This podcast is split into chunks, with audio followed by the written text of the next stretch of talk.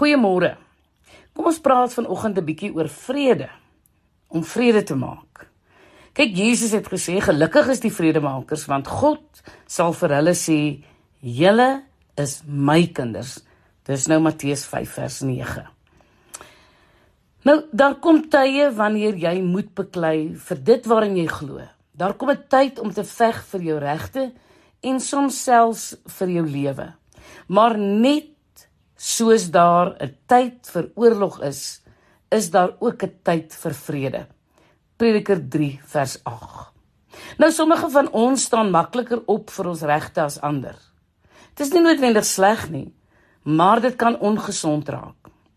Ek dink 'n mens moet 'n mens self afvra wanneer jy midde in 'n plofbare situasie is, hoe verander jou teenwoordigheid die situasie? Gooi jy petrol op die vlamme of blus jy die vuur?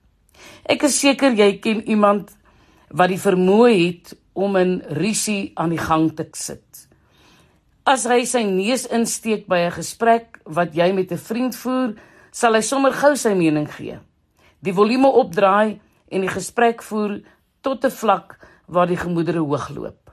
Dit voel vir jou waar hy ook al is, duik die moeilikheid ook op. Nou iemand wat vrede maak sal egter situasies ontlont. Sy sal nie die vlamme verder aanblaas nie. Sy sal die vuur blus. Dink aan Abigail. Dink aan Jesus. Hou in gedagte dat vrede nie die afwesigheid van moeilikheid is nie. Vrede beteken nie almal sal van jou hou of dat jy nooit enige teenkanting sal ervaar nie.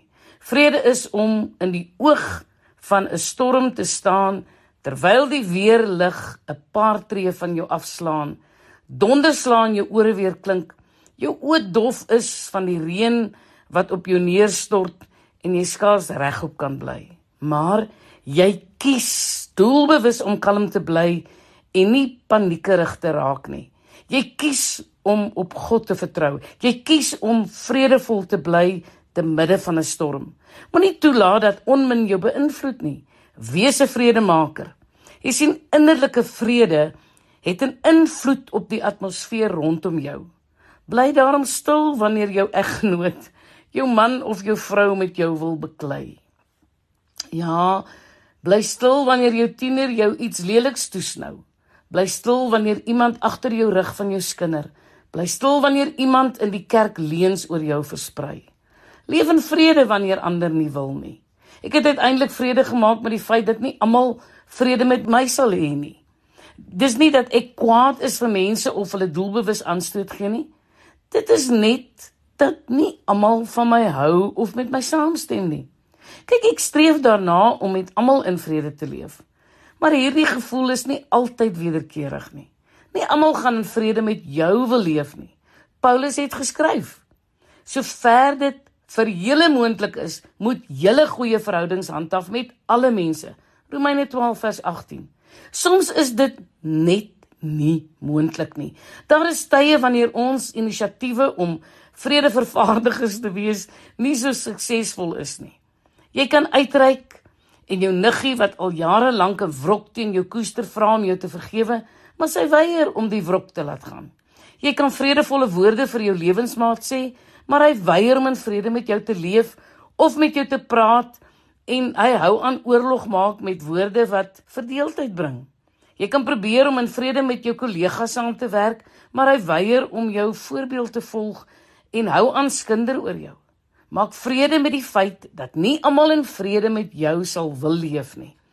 Toe Jesus sy disippels uitgestuur het om sy boodskap te gaan verkondig en die mense gesond te maak, het hy vir hulle 'n interessante opdrag gegee. Elke keer wanneer jy in 'n huis binne gaan, spreek die vredesgroet daaroor uit.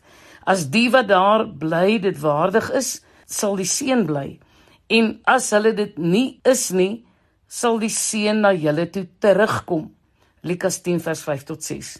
Jesus het vir sy volgelinge gesê: "Die wat die vrede wat hulle sou aanbied, sou ontvang, vrede in hulle huise sou ervaar.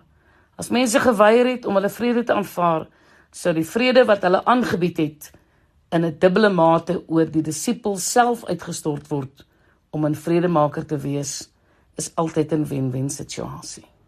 Ek is Lenet Beer vir Radio Kansel.